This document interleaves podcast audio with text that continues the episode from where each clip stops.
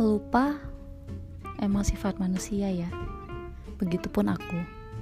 Karena itu aku ingin membuat podcast ini yang nantinya ingin aku buat untuk jadi pengingat aku pribadi dan semoga yang dengar juga bisa tercerahkan atau bisa memetik hikmah atau manfaat dari cerita yang aku bagikan.